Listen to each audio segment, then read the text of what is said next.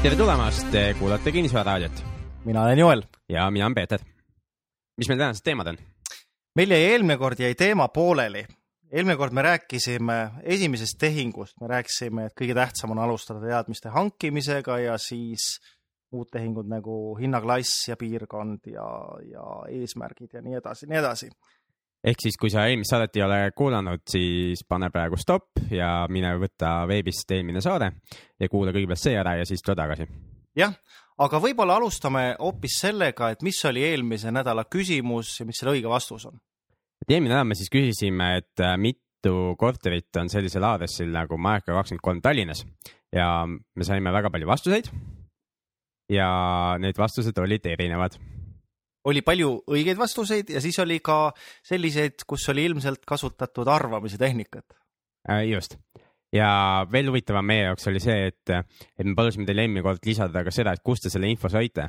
ja neid info saamise allikaid oli ka väga erinevaid. Äh, milliseid sa nägid mailides? ma ei mäletagi, aga seda ma mäletan, et mõned olid ka õiged mis mulle meelde jäi, oli see, et oli kasutatud siis internetiotsinguid, oli leitud näiteks äh, üks enampakkumise kuulutus Äh, Tallinna linna äh, koduleheküljelt ja kus, kus siis oli äh, juhuslikult ka väljavõte nagu kogu majast juures ja, ja seal oli ka korterite arv olemas. siis oli kasutatud kinnisturaamatut, mis põhimõtteliselt on päris hea koht, aga on üks veel parem koht, mis koht see on? See on ehitusregister ehk siis www.ehr.ee. Ja ehitusregister on selline koht, kus siis leiab äh, nagu täisinfo mingi objekti kohta et seal on olemas äh, mitte ainult korterite arv, vaid ka on olemas see, et äh, mitu ühetoalist, mitu kahetoalist, mitu kolmetoalist korterit selles majas on ja, ja päris palju muud informatsiooni veel. see on tegelikult päris hea info, sellepärast et kui sa mingisugust tüüpi korterit ostad ja kui sul on näiteks tüüpmaja, ütleme, et äh, seal Majaka kandis on samasuguseid maju, ütleme näiteks kümme tükki ja kui sa ostad näiteks seda ühetoalist korterit seal siis sa saad nagu aru ka, et mis turul toimub, et kui palju neid kortereid seal on. Ja sa võid selle, sellest järeldada, et kas see võib olla likviidne või mitte. just. Ja siit saab ka igasugu muud infot, saab teada näiteks, kas majas on gaasiühendus olemas või, või mis küttesüsteem seal on, mis katus seal on. see info võib olla vananenud muidugi, mis siin andmebaasis on, et seda ei uuendata noh, reaalajas ja, ja mingit muud, muud niisugust informatsiooni võib saada. vähemalt saab teada, mis see originaalseis äh, majas nagu oli. nii et äh, kui te ei ole selle lehega eelnevalt kokku puutunud, siis äh, minge ja vaadake ja kui midagi muud ei oska otsida, siis otsige enda elukoha informatsioon üles. just, aga lähme tänaste teemade juurde. Nii, aga alustame sellest, et maakler, kes on maakler ja, ja ja mis kogemused üldse maakleritega on? maakler siis iseenesest on vahendaja ja mis, üks on teooria ja teine on siis praktika. et teoorias ta siis peaks äh, viima kaks tehingupoolt kokku ja aitama neil siis äh, tehingu ära teha.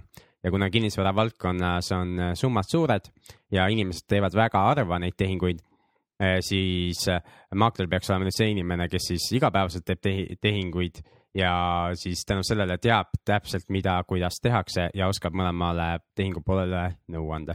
ja maakler, tema motivatsioon teha seda on see, et ta saab, eks ju, selle eest maakleri tasu. just, et ta saab vahendustasu selle eest. kui suured need summad on?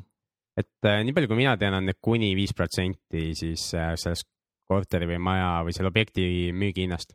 Paneme perspektiivi, kui see on sajatuhandene maja, viis protsenti on viis tuhat. just ja üüri puhul enamasti on see ühe kuu üür, mille, mille maakler saab endale. jah, ja kui see nii on, siis tavaliselt on üürile võtja ehk see, kes üürib korterit, läheb sinna elama, siis tema maksab maakleritasu, eks ole. et siin on jälle teooria ja praktika, et teooria ütleb seda, et teenuse eest maksab see, kes tellib ehk siis peaks justkui omanik maksma nagu seda maakleritasu.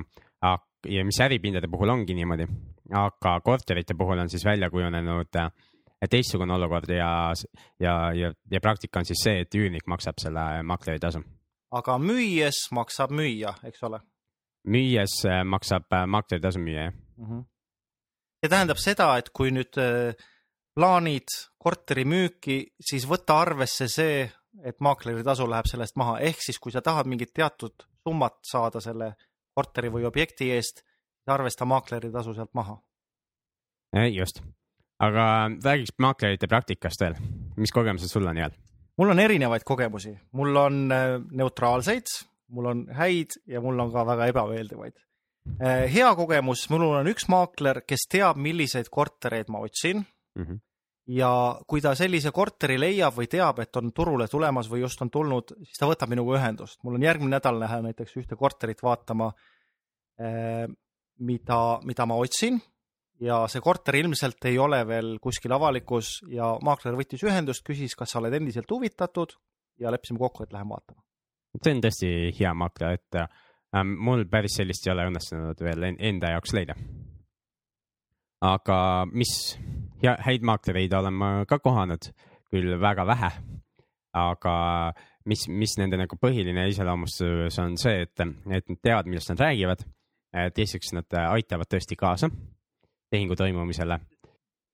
ma arvan, ma arvan ka seda, et hea maakler on see, kes kuulab sind, sind kui klienti, ta mõistab, et miks sa otsid seda korterit, millist korterit, mis sa sellega teha tahad, kas osta, et üürida välja või osta elamiseks.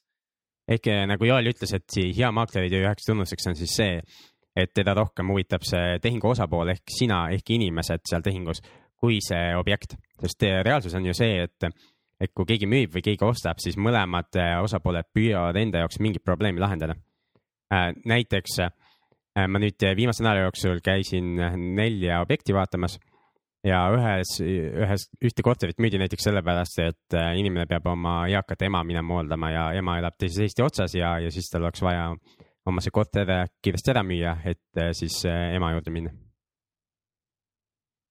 aga halba maaklerit iseloomustab siis see, et teda absoluutselt ei huvita mitte miski, eks ju. kas sul on sellist case'i on olnud, kus sa lähed korterit vaatama ja siis seal on omanik ja maakler, lähete korterisse sisse, siis maakler lihtsalt seisab, vaatab aknast välja või tegeleb oma mobiiliga ja omanik võib-olla ka, kui tal kogemust ei ole, niisama lihtsalt seisab ja siis, siis sa oled seal vait, vaatad, proovid äh, kapi uksi ja vaatad, kas peldiku peldik töötab ja nii edasi ja siis on seal sihuke vaikus ja lõpuks siis ahah, no aitäh, eks ma siis helistan teile aitäh, et küsisid. Äh, üks, üks neljast oli ka seekord selline maakler, kes üldse midagi ei rääkinud tõesti.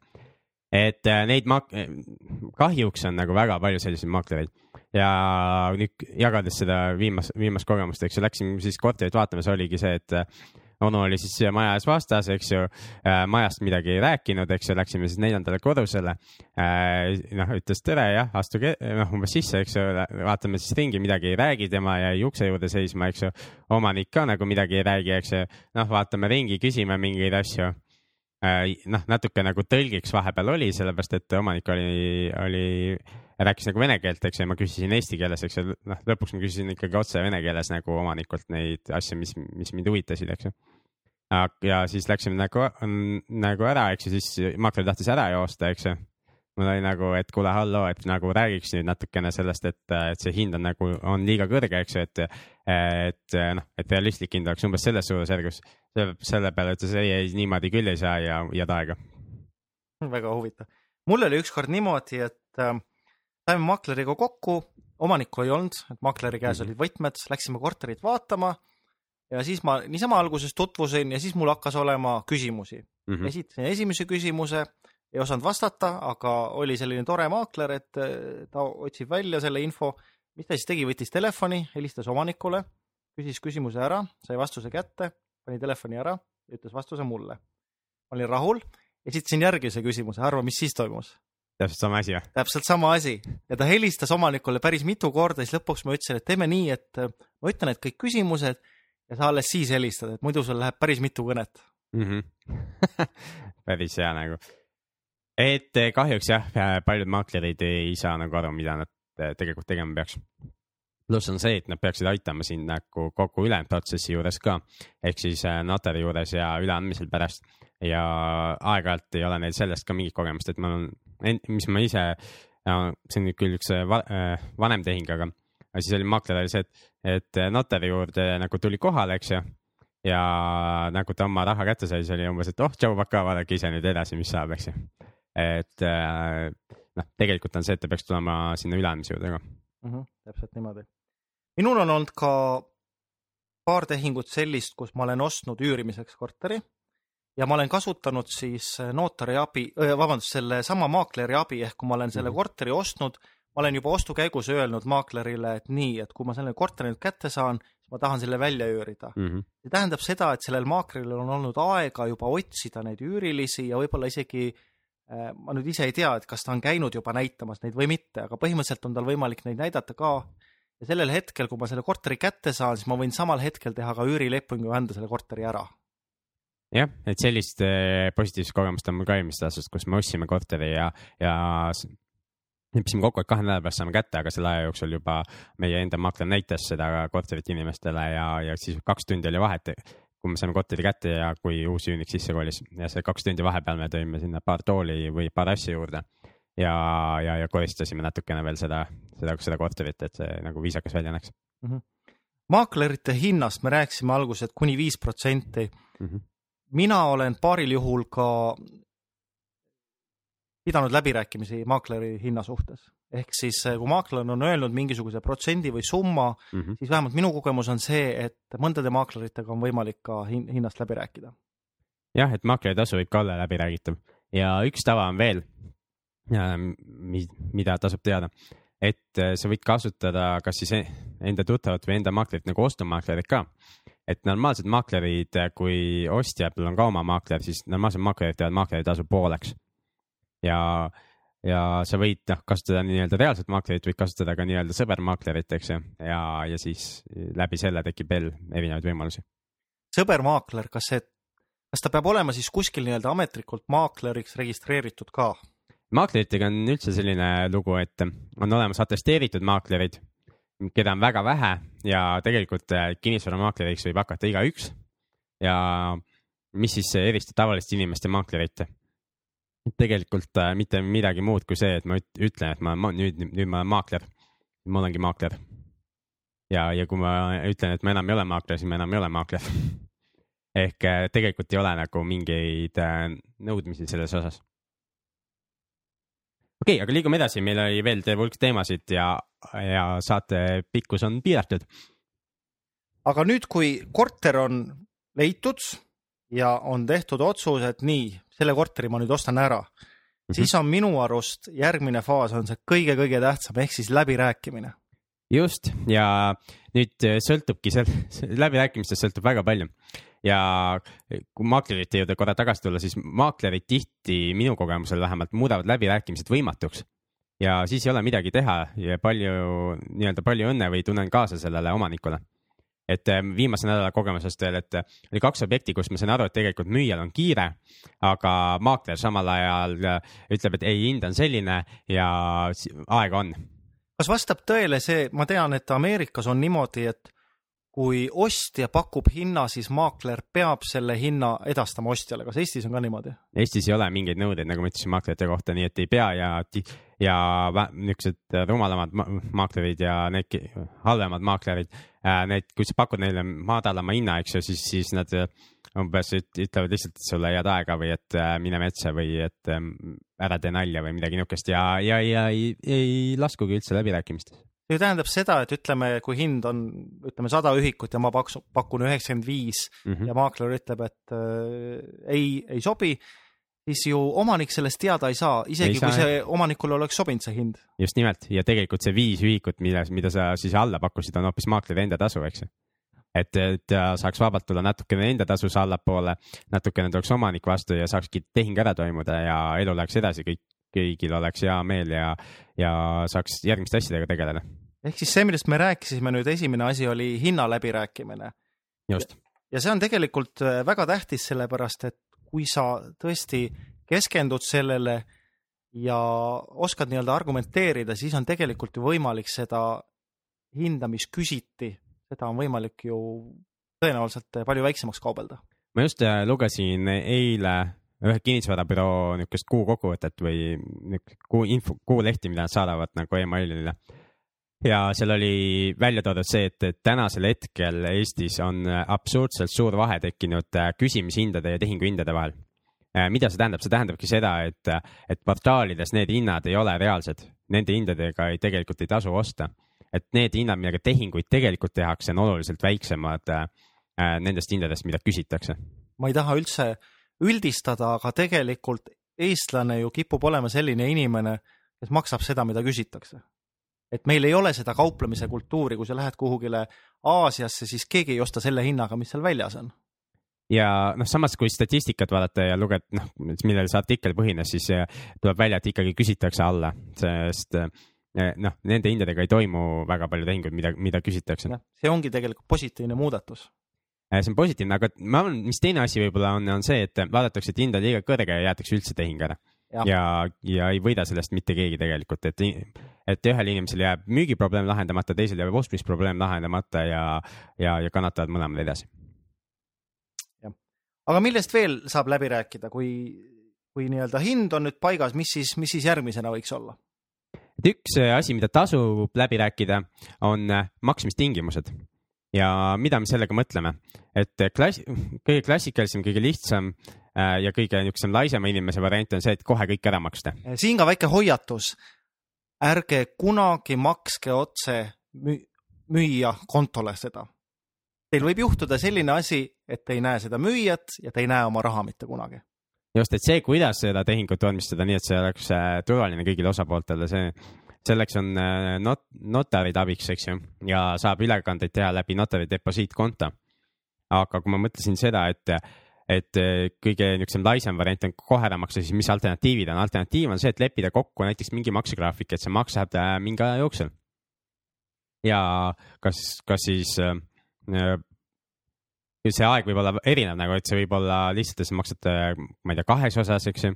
võib-olla, et sa maksad viie või kümne aasta jooksul, aga see sõltub hästi palju sellest, äh, mis on müüja probleem. kas tal on see vaja kohe osta uus elukoht asemele, siis on suht ilmselge, et ta tahab, tal on vaja seda raha praegu kohe, et osta uut elukohta. või ta müüb sellepärast, et ta on selle saanud näiteks päranduseks ja tal on lihtsalt see üle ja ta ei taha neid kommunaalmakse maksta. ehk siis küsimus on see, et äh, kallis müüja, et äh, mis sa kavatsed teha selle rahaga, mis sa selle korteri eest saad, eks ole? just nimelt, et kui ta ütleb, et ta kavatseb nagu panga kont-, äh, panka tähtajalise hoiusele selle panna, no siis on ilmselge, et, et sa oled võimeline talle maksma suuremat intressi. sest täna panga tähtajalise hoiuste intressi teile ka just vaatasin seda, on üks koma kuus või midagi sellist, eks ju. et noh, see on olematu intress ja, ja kui sa maksad kas kaks korda rohkem, ma ei tea, kolm protsenti aastas, eks ju, siis see inimene juba, juba võidab sellest tegelikult, kuidas hoopis sulle laenab seda raha selle asemel, et pangale laenata. ja sina võidad ka sellepärast, et sina ei pea pangalt tõenäoliselt laenu võtma, kui sa tahad seda teha. Äh, pank, tegelikult, kui sa võtad pangast laenu, siis äh, see kõige suuremad kulud ei ole intress, vaid kõige suuremad kulud on lepingukulud just, lepingutasu jah. lepingutasud, hüpoteegi seadmine, hüpoteegi mahavõtmine ja sealt need kulud tulevad samas, kui sa, see, kui see omanik sulle võimaldab seda järelmaksu võimalust, eks ju, siis äh, noh, suure tõenäosusega, et tema huvisid kaitsta, tuleb ka hüpoteek seada, et need kulud nagu jäävad samaks võrreldes pangaga. Äh, mille üle veel saab rääkida? no korteri vabastamine, see tähendab siis seda, et millal sina reaalselt saad selle korteri enda valdusse. Äh, just, ja see võib olla nii enne notarit, see võib olla notari päeval kui ka peale notarit et see kõik sõltub läbirääkimistest. ja siin on võimalik ka nagu erinev kombinatsioon, näiteks kombinatsioon selles mõttes, et sa saad näiteks korteri kätte ja hakkad maksma mingit summat ja midagi analoogset nagu üür, aga lepiti kokku, et see kõik läheb nagu ettemaksuks. et ka see on võimalik ja siis see notariaalne tehing võib-olla toimubki alles mingi aja pärast. miks inimene võiks olla huvitatud sellest, on sul mõtteid, Joel hmm.? maksab, et miks, miks võib olla niisugune olukord, miks võib tekkida niisugune olukord, et inimene ei saa sinuga kohe notarisse tulla? ma ei tea, võib-olla ta ei ole näiteks Eestis. okei okay,, see on üks variant. kõige levinum variant on see, et ta saab selle päranduseks. ta on nagu selle asja kätte saanud, aga pärandidokumendid ei ole lõpuni vormistatud veel. ja seetõttu ta ei saa veel müüa, sellepärast et see ei ole tema oma veel. Ahaa, okei okay,, seda ma ei teadnudki, väga hea aga ta saab selle sulle anda üürile, sellepärast et see põhimõtteliselt on tema, tema käest käsutuses see asi mm. -hmm. ja, ja saab tegelikult teha ka notariaalse lepingu selle kohta, et äh, siis, kui ta selle asja omanikuks saab, et siis ta müüb selle sulle ära. et äh, võlaõigus, et need kinnisvaralepingud koosnevad kahest osast, on võlaõiguslik leping ja asjaõiguslik leping. ja võlaõiguslik leping on see lubaduse osa ja hind ja need tingimused ja asjaõiguslik on siis selle asja nagu see üleandmine vähemalt nii mina saan sellest aru. ehk ja võlaõiguslikku lepingut me saame tegelikult iga asja kohta teha, isegi sellise asja kohta, mida mul ei ole. et põhimõtteliselt ma võiksin Joaliga minna täna notarisse ja teha lepingu selle kohta, et ma kohustan omandama Viru keskuse järgneva kümne aasta jooksul ja siis äh, kokku, Joaliga lepime mingi hinna kokku ja siis selle Viru keskuse Joalile üle andma selle hinnaga et notar arvatavasti naeraks meid välja ja võib-olla keelduks seda tehingut tegemast, aga põhimõtteliselt juriidiliselt tal ei ole alust nagu sellest keelduda ja juriidiliselt oleks see täiesti korrektne leping. ehk siis õppetund siit, et kui, kui nüüd sellist asja sa kellegiga teed, siis uh, uuri ka tausta, et see inimene nii-öelda. et ta ikka saaks selle omanikuks, eks ju? absoluutselt. okei okay Äh, mis tingimused äh, ah, üleandmise kohta veel, eks, et kõige levinum on siis äh, suhteliselt lähedal nagu seal notariaalsel tehingul, kas siis samal päeval või, või siis vahest nädala või kahe nädala pärast, et see inimene siis jõuab ära kolida mm. -hmm. aga võib ka, võib ka teistpidi olla, sa võid, võid ka jätta näiteks selle inimese kasutusse mingiks ajaks, aastaks ka, et ma ei tea, see huvi, mis võib olla, on see, et kui sul ei ole plaanis kohe seda renoveerima hakata näiteks ja inimene tegelikult tahaks seda veel edasi kasutada sa siis tinglikult üürid talle selle välja või ta alandab müügihinda selle võrra, et ta saab seal veel aasta aega elada. jah, et tasub olla selles mõttes väga, väga paindlik nende tingimuste suhtes. siis, eh, mis veel on vaja läbi rääkida? no kindlasti see, et mis kuulub selle hinna sisse, ehk siis mis jääb korteri sisse ja mis ei jää. just, et see on väga oluline selge aru saada, mis, mis sinna korterisse jääb siis. ja ole muidugi ka, mida sa ostad, et Äh, kui me viimased tehingud vist, äh, mis, milles me ise oleme osalised olnud, oleme tegelikult ostnud ju seda karpi ja kõik, mis seal sees on, see niikuinii saab sealt välja viidud või välja lõhutud, siis see ei ole eriti oluline teema. aga kui sa ostad sellist korterit, et sa kavatsed selle kohe välja üürida, mida ma olen ka teinud minevikus, äh, siis on oluline, et need asjad tõesti jääksid sinna. see oleks päris ebameeldiv üllatus, kui sa teed tehingu ära ja saad võtmed, võtmed kätte ja siis ütleme, seal äh, korteris oli kõik tipp-topp korras. Lähed sisse, vaatad, kööki ei ole, peldikupotti ei ole, äh, tubade uksi ei ole. no see läheb juba äh, siukseks varjatud puuduseks või, või sel-, sellised asjad saab kohtu kaudu tagasi nõuda. et sellepärast, et uksed ja vetsupott ja muud asjad on nagu selle korteri osa aga mida sa ei saa siis, siis nõuda, kui lepingus ei ole see fikseeritud, on kõikvõimalik mööbel et näiteks kui sa ostad täismööbleeritud korteri, et saad, saaksidki järgmisel päeval välja selle üürnikule anda ja, ja siis sa saad kätte. Eh, ja seal ei ole seda mööblit sees ja seda lepingus ka ei olnud, siis sul tegelikult ei olegi mitte mingisugust alust seda mööblit nõuda enam. jah, ei ole võimalik tõendada, et nii oli. just, siis järgmine asi, mis oleks vaja läbi rääkida, on see, et kas korteriühistule on võlgu või siis haldusfirmale. ja kui on võlgu, siis kes maksab need võlad? jah, et kindlasti enne kui enne kui tegelikult ostuotsust teha, siis tasub vaadata ka üle, et palju on olnud kommunaalid. ja see mõjutab ka, et kui on ikkagi kommunaalid on meeletult kõrged ja sa üürid seda korterit välja, siis see võib mõjutada ka seda üürihinda, üürihinda ja ka seda, et kas sa leiad üürnikke. ja minu meelest siin Postimees tegi mingit küsitlust ja, ja, ja selgus vist, et kütt, näiteks küttehinnad on Eestis väga erinevad et äh, küttehind võib olla, kas, kas oli ühest kuni kolme euroni ruutmeeter siin külmematel kuudel.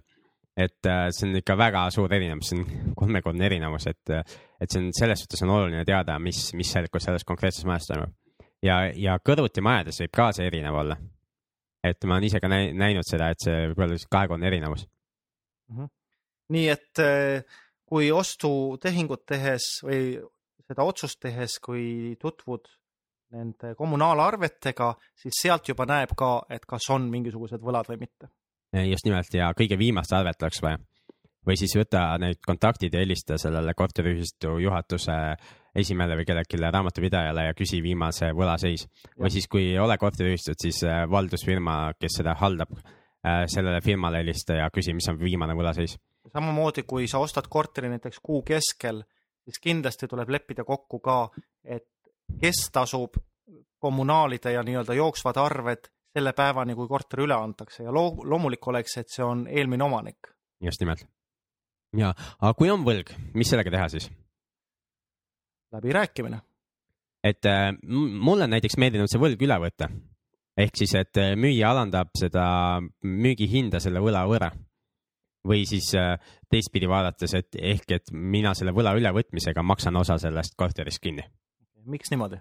sellepärast, et äh, need äh, tavaliselt ei ole korteriühistutel üldse viiviseid või kui on viiviseid näiteks sinna kogunenud arve peale, siis see on veel parem, sest need viivised on võimalik äh, läbirääkimiste käigus kas vähendada või üldse ära kaotada. näiteks, et võlg on, ma olen ostnud ühe korteri, kus võlg oli neli tuhat eurot või oli kolm tuhat, ma ei mäleta, aga tuhat eurot sellest oli viiviseid ja nüüd ma saan selle tuhande euroga sisuliselt maksan, eks ju, ostmisel, aga eh, kui ma nüüd selle korteri kätte sain, siis ma pöördusin korteriühistu poole ja küsisin, et kuidas neile meeldiks see, et kui ma kogu arve korraga ära maksaks, aga ma seda viiviste osa ei, ei maksa ja et nad ei nõua mult seda enam. ehk siis sa said viiviste jagu allahindlust? sisuliselt küll, jah mm. -hmm ja korteriühistule see mõte meeldis, sellepärast et nad tahtsid just seal midagi remontida ja neile meeldis, et see kaks või kolm tuhat eurot, mis see võlg sinna kogunenud oli juba päris pika aja jooksul, et see kõik korraga neile ära laekub ja nad olid nõus sellest äh, ülejäänud tuhandest loobuma. ja kui nüüd sa sead maksegraafiku, et maksad näiteks järgmise poole aasta või aasta jooksul ära osadega ja seal intresse ei ole, siis sa sisuliselt saad ju nii-öelda tasuta laenu. just nimelt ehk sellepärast äh, mulle meeldib või mina eelistaks siis võla, võla üle võtta mm. -hmm. aga teised variandid on see, et sa lased, et inimene maksab selle ära või äh, variant on ka see, et sellest äh, notari deposiiti sinu maks-, makstud rahast, et sellest rahast siis notar teeb ülekande korteriühistule või selle haldusfirmale otse ja makstakse niimoodi see ära. ja ma ei tea, kas on veel variante, rohkem vist eriti ei olegi. kui kellelgi on, siis palun saatke meile infot. jah, mis variante te veel näinud olete? Okei okay., mis me, millest me järgmisena peaks rääkima? rahastamine ehk siis kust ilmub see raha, mis on vaja müüjale maksta? kõige niisugusem tihedam vabandus, mida me üldse kuulnud oleme, miks inimesed ei tegele kinnisvaraga või e, hoiavad sellest valdkonnast eemale, on see, et mul ei ole raha. või see, et mul ei ole sissetulekut või sissetulek on nii väike, et pangast laenu ei saa. jah ja muidugi teine vabandus on see, et ei ole aega, aga, aga raha tundub alati suurem probleem. aga kust seda raha saab siis? no minu arust saab pangast. okei okay.. tähendab, paljud inimesed saavad pangast, aga mõned ei saa. okei okay., et üks koht, kus äh, raha saada, on pank, eks ju. teine variant on see, et sul on mingisugused oma säästud äh, tekkinud. E, aga lisaks sellele, mida mina olen väga palju kasutanud ja Joelgi kasutab ja, ja teised meie sõbrad, kes tegelevad valdkonnas, on teiste inimeste ja teiste ettevõtete taha mm. -hmm. on see termin, on kolm F-i, seletame selle lahti. Äh, üks ingliskeelne lühend on jah kolm F-i, et see on siis friends, fools ja family. ehk siis äh, sõbrad, sõbrad, naiivsed inimesed äh, ja lollid. või, või siis lollid jah, ja, ja perekond mm. -hmm. ehk see on nagu esimene ring, kelle poole pöörduda mm. -hmm ehk eh, naiivsed, naiivsed inimesed tähendab, ei ole üldse halvustav, vaid see, need on need inimesed, kes mingil põhjusel sind usaldavad ja on nõus oma raha sinu kätte andma. jah, tegelikult eh, see sõna loll, see, see, see ei ole üldse see, mida tegelikult mõtlen äh,. Inglise keeles jah, fool on nii-öelda lollik, aga tegelikult naviiv, naiivne ei pruugi alati ka olla naiivne, ta võib olla lihtsalt inimene, kellel ei ole endal aega või huvi sellise finantsteenusega nii-öelda või finantsiga tegeleda ja kui, kui tema annab sulle laenu, tema saab sellest kasu ja sina saad kasu ja mõlematel on nii-öelda win-win. naiivsus seisneb nagu selles, et need inimesed tavaliselt ei nõua sinult äh, tagatisi või ei nõua sult äh, sellises, sellisel määral tagatisi, nagu nõuaks professionaalne laenuandja. et selles seisneb nende naiivsus. ja, ja, ja muidugi, kui kõik laabub hästi, eks ju, siis, siis on kõik hästi, tema rõõmus, sina rõõmus aga kui ta, kui sina millegipärast keerad mingi jama kokku või ei maksa korralikult, siis tal ei ole tegelikult piisavat tagatist ja siis ta on oma sellest rahast ilma või osa, osast oma rahast ilma mm. -hmm. ja see, sellepärast on see nimetus naiivne. nii et oli kolm F-i, friends, fools and family. Family on siis perekond ehk siis ema, isa, tütred, pojad, lapsed, sugulased. Äh, just nimelt ja nii, nii üllatav, kui see ei ole, Eestis vähemalt on ja eakatel inimestel on tavaliselt päris palju sääste ja nad hoiavad neid sääste tähtajalisel hoiusel või on neil mingi investeerimishoiusel või mingis investeerimisfondis. või isegi sukas ääres. või isegi sukas ääres jah. ja neil on tegelikult on hea meel, kui keegi keegi usa-, nende jaoks usaldusväärne inimene pakub neile äh, kõrgemat intressi, paremat äh, teenimisvõimalust. ja niimoodi ma olen ise ka ühe, ühe laenu äh, saanud viieks aastaks, kus ma maksan ainult äh, intresse ja, ja põhimõtteliselt mõõtmata siis see inimene enam-vähem küsis mu käest, et, et kahju, et sa aasta aega varem mu käest ei küsinud seda raha, et siis mul oleks kaks korda rohkem raha olnud. aga kui. et kui... vahepeal oli äh, need börsilangus toimunud ja, ja tema investeerimisfondis oli nagu pool raha ära kadunud. ja kui nüüd kasutada nii-öelda kolm F-i, siis kindlasti peab olema aus, otsekohene, sellepärast et eh, sa ikkagi tegeled teiste inimeste rahaga ja tõenäoliselt nad on pal-, pannud päris palju energiat selle raha teenimise peale ja kui sa nii-öelda petad neid, siis nii-öelda sa võtad osa nende inimeste elust. just nimelt, et see raha on nagu tööga teenitud ja see nende inimeste jaoks tähendab mingit hulka aega, mingit perioodi nende elust ja kui sina nüüd selle äh, välja laenad nende käest ja seda tagasi ei maksa, siis see on sama hea, et sa varastasid näiteks viie, viie, viie aasta töös nende inimeste elust. ja, ja see on väga-väga noh, nõme, kui sa niisugust asja teed ehk kui sul on riskantne projekt, kuhu sa oma raha ei julgeks panna ja siis mõtled, et oh, ma lähen küsin äh, sellelt vanainimeselt või sellelt sugulaselt raha ja ja vaatame, mis juhtub, siis nagu pigem ära tee seda. et vähemalt mina küll laenan siis äh, selliste tehingute jaoks, mida ma, kui mul oleks endal vaba raha, siis ma teeks enda rahaga neid tehinguid. aga kuna mul hetkel ei ole, siis, siis ma lihtsalt laenan seda ja ma juba ette olen planeerinud, kuidas see raha saab tagasi makstud ja on ka no, alati mingisugune tagavaraplaan olemas. jah, nii et see oli siis teised inimesed, on ka ettevõtteid, mis ei ole pangad ametlikult. just ja neid on ka seinast seina, on, on selliseid äh, mõnusaid koostööpartnereid, eks ju, kellega saab hästi asju ajada. aga on kindlasti ka selliseid ettevõtteid, kellel on eesmärk sinuga teha selline leping, et sa lõpuks oma kinnisvarast ilma jääksid. ehk äh, näiteks lepingutes võib olla igasugu trahve äh, ja, ja muid tasusid, mida, mida sa esimene hetk võib-olla tähelepanu ei pööra. ja, ja siis, kui need kõik tasud, kui asjad kõik kokku liita, siis on põhimõtteliselt võimatu võib-olla seda laenu tagasi maksta. jah. mis veel? Nendest ettevõtetest võib-olla veel, et sa ei pea alati laenu andmise ettevõtete poole pöörduma, vaid Eh, kui sa töötad näiteks kusagil, sa võid ka oma tööandja poole ju pöörduda, et kas, kas tema äkki sooviks sulle laenu anda? jah, absoluutselt. et eh, ettevõtetel võib olla aeg-ajalt vaba raha ja, ja miks mitte oma töö, töötajale seda anda, sellepärast et tal on ju, tal ei ole vaja sinu käest mingit täiendavat tagatist. ta saab selle laenumakse alati sinu palgast kinni pidada. jah, ja mis on parim ettevõttele kui inimene, kellel on võlg, sellepärast et inimene, kellel on võlg, ta on ju motiveeritud oma võlga maksma. just nimelt, et kui see on arvatavasti veelgi lojaalsem töötaja, kui ta varem oli. ja ta saab selle võib-olla üsna madala intressiga anda, et ettevõtetel on äh, miinimumintress on antud, äh, et kui nad vähem kui selle intressiga laenavad, et siis nad peavad maksma täiendavalt makse selle pealt, äh, erisoodustusmaksu, aga kui nad selle intressi või kõrgemaga annavad, siis, siis nad ei, ei pea mingit täiendavat maksu ka maksma, et neil on nagu hea meel selle, seda laenu anda mis see intress on, kas sa tead? Äh, kui ma õieti mäletan, kas see oli kuskil kaks koma viis praegu või midagi, üsna väga-väga madali protsent on, see on rahandusministri määrusega paika pandud ja see muutub aeg-ajalt. selge. nii, aga kust veel nii-öelda raha saada maksmiseks äh,? veel üks äh, ilmselgemaid võimalusi, mille peale ta, äh, tihti ei tulda, on see, et sa küsid laenu müüjalt küsid laenu müüjalt, kas see tähendab siis seda, et kallis müüja, anna mulle raha, et ma saaksin osta su korteri, siis ma annan sulle raha tagasi? no põhimõtteliselt, eks see on eh, tegelikult teiste sõnadega seesama asi, millest me enne rääkisime ehk järelmaks. et sa küsid eh, seda ja, ja võib-olla sa peadki müüjale esitlema seda kui järelmaksu, aga sisuliselt on see, et sa küsid laenu müüja käest. ja kui müüjal ei ole seda raha, äh, raha vaja mingi järgmise asja jaoks, siis äh, miks mitte.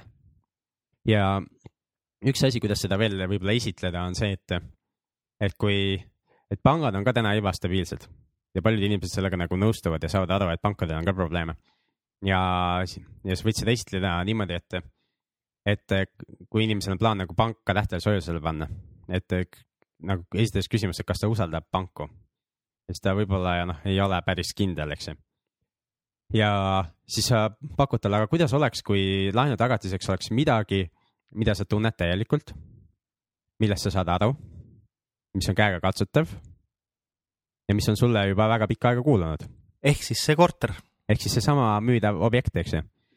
et mis, et mis siis juhtub, kui sina laenu tagasi ei maksa, on see, et tema saab pöörduda kohtutäituri poole ja tal on põhimõtteliselt võimalik sellesama nõudega see enda korter tagasi osta ja uuesti selle asja omanikuks saada. kui, kui see objekt on selle tagatiseks. ja see, see võib tunduda äh, ka hea mõttena sellele müüjale. jah, see oleneb inimesest, nii et seda tasub kindlasti küsida.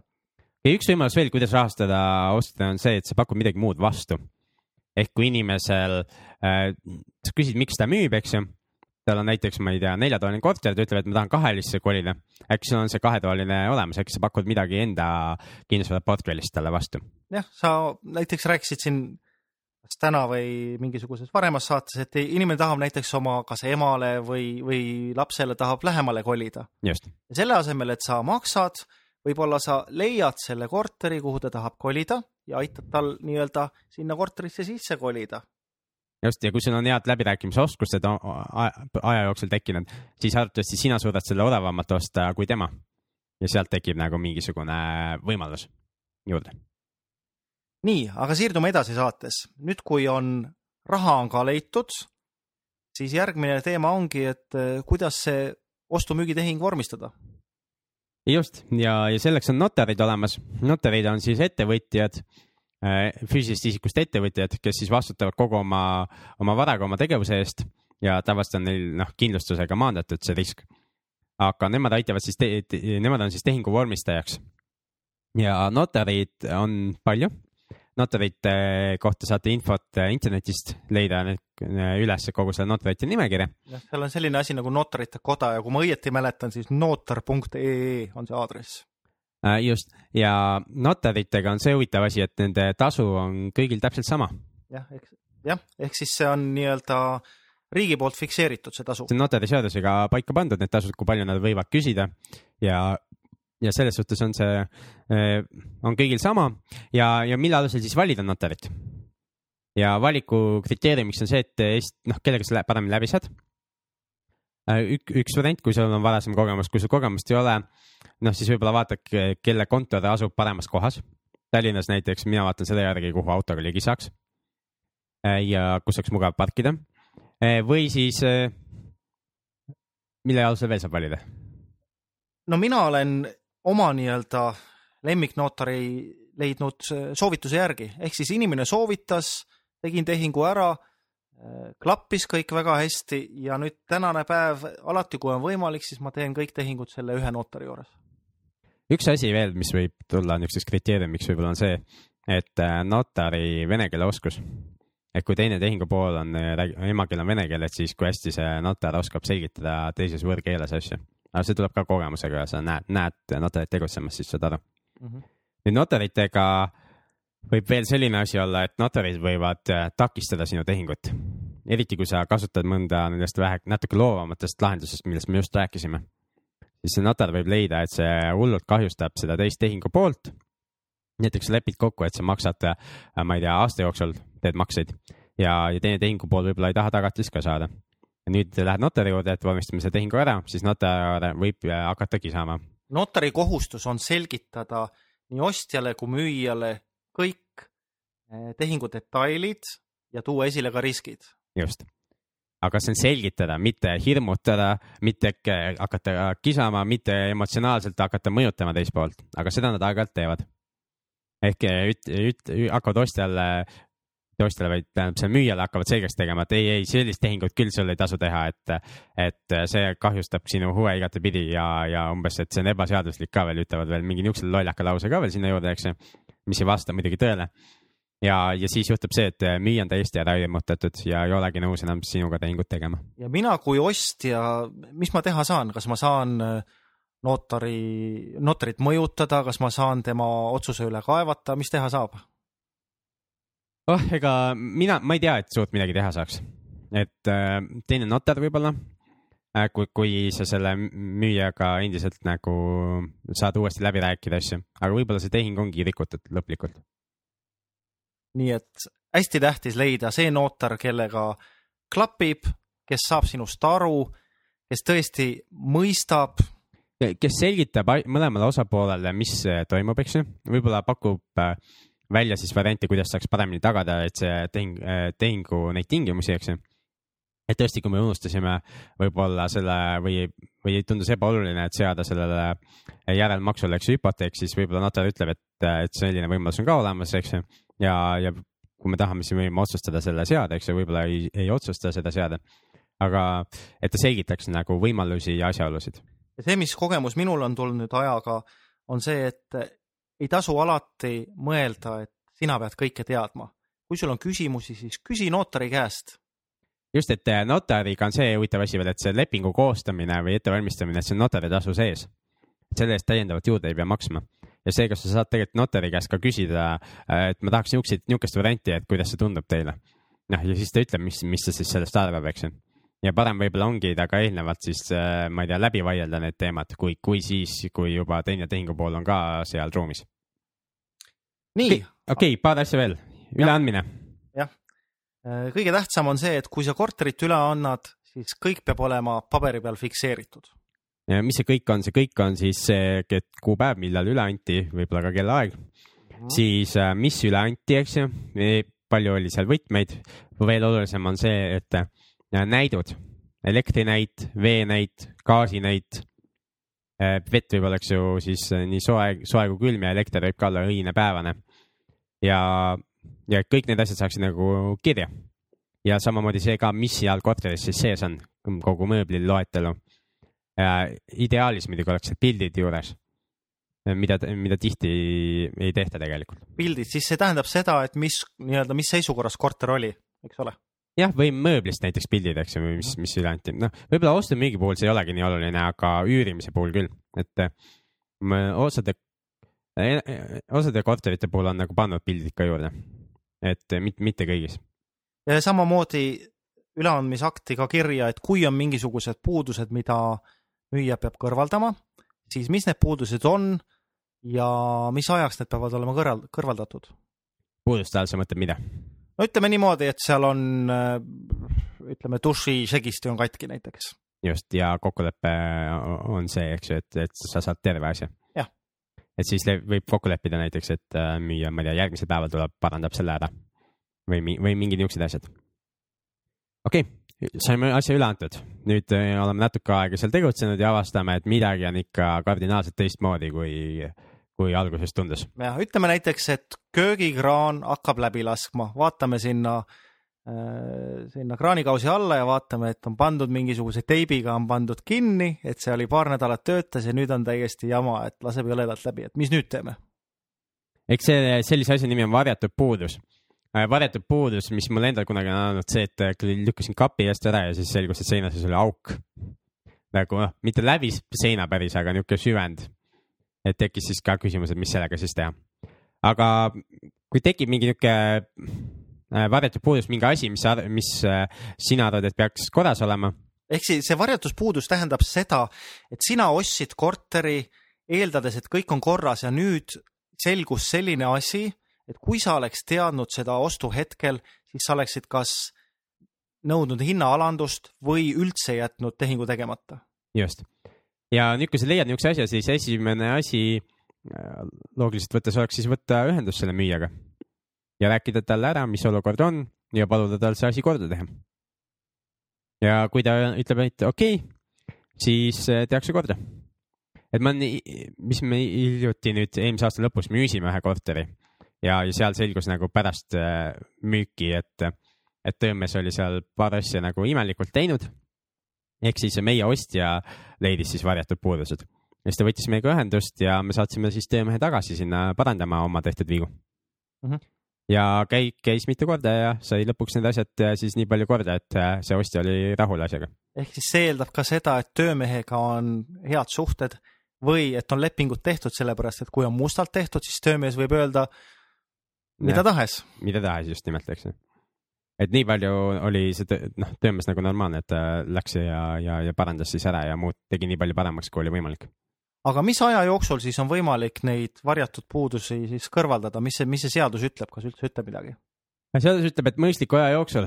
Ja mõistlik on väga-väga suhteline, et siin mingid Riigikohtu lahendid vist pidid, pidid olema, ma ei ole ise lugenud, aga ma olen kusagilt kuulnud, et nagu kaks aastat on niisugune mõistlik aeg, kui eraisik ostab. aga ah, siin on üks oluline asi veel, et eh, vahe on selles, kas sa ostad eraisiku või ettevõttena. et kui eraisik ostab, siis see mõistlikkuse aeg on palju pikem ehk siis see kaks aastat.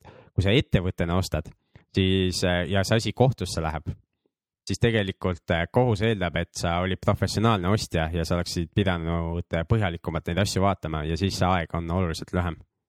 aga kui palju lühem, seda ma ka ei tea, see sõltub konkreetsest siis kohtuasjast. aga põhimõtteliselt kohtust juba jutt tuli, siis ongi see, et sa helistad sellele müüjale, palud selle probleemi ära likvideerida ja tema saadab su metsa või ei tee seda mõist-, mõistliku aja jooksul, eks ju, siis, siis sul ei jäägi muud üle, kui pöörduda kohtusse. ja kui juba kohtusse pöörduda, siis vähemalt mina kasutaks advokaati või juristi või keegi, kes paneks selle asja niimoodi kokku ka, et lihtsalt mingisuguste vormistamisvigade tõttu pärast äh, seda asi tagasi tuleks sulle. ja siis sul on võimalik kohtu kaudu nõuda selle asja likvideerimist või kahju hüvitamist mõistlikum, ma arvan, on, on fikseerida kahju, lasta see, tellida kellelgi selle asja ära renoveerimine ja siis nõuda kohtus kaudu selle, selle kordategemise hüvitamist sest vahepeal tahaks ka nagu korterit kasutada või, ja, või üürnikud tahaksid seal elada ja, ja ei ole mõtet nagu nõuda seda kordategemist ja oodata lõpmatuseni. nii, aga nüüd on kahe saatega käidud läbi need peamised punktid, mis tulevad ette, kui sa ostad korterit just nimelt ja kui teil on mingeid küsimusi, siis saatke meile neid äh, saade et kinnisvararaadio.ee, et teie küsimustest me saame võtta mõne järgneva saate teema ja rääkida pikemalt äh, ükskõik millisest osast ja kindlasti me räägimegi uuesti nendest äh, samadest asjadest siis pikemalt, põhjalikumalt ja, ja, ja mingite näidete varal. aga küsimus? jah, selle nädala küsimus, mis meie küsimus on? ja küsime nüüd ühe järgmise huvitava asja ja see on, et mitu objekti tuleb Tallinna linnal kahekümnendal märtsil enampakkumisele. ja miks me seda küsime, on see, et Tallinna linn ja, ja teised oma kohalikud omavalitsused ka eh, müüvad aeg-ajalt eh, siis endale kuuluvat kinnisvara ja vahest on seal päris huvitavaid objekte ja see on üks ostmise võimalus. ja selleks, et seda leiaksid siis ülesse ja et me saaksime järgmises saates sellest rääkida, kust seda infot saab siis ongi täna meil see küsimus, mitu objekti tuleb Tallinna linnal kahekümnendal märtsil enampakkumisele? ehk siis saada täpne number ja sellele lisaks ütle ka, et kust sa selle informatsiooni leidsid.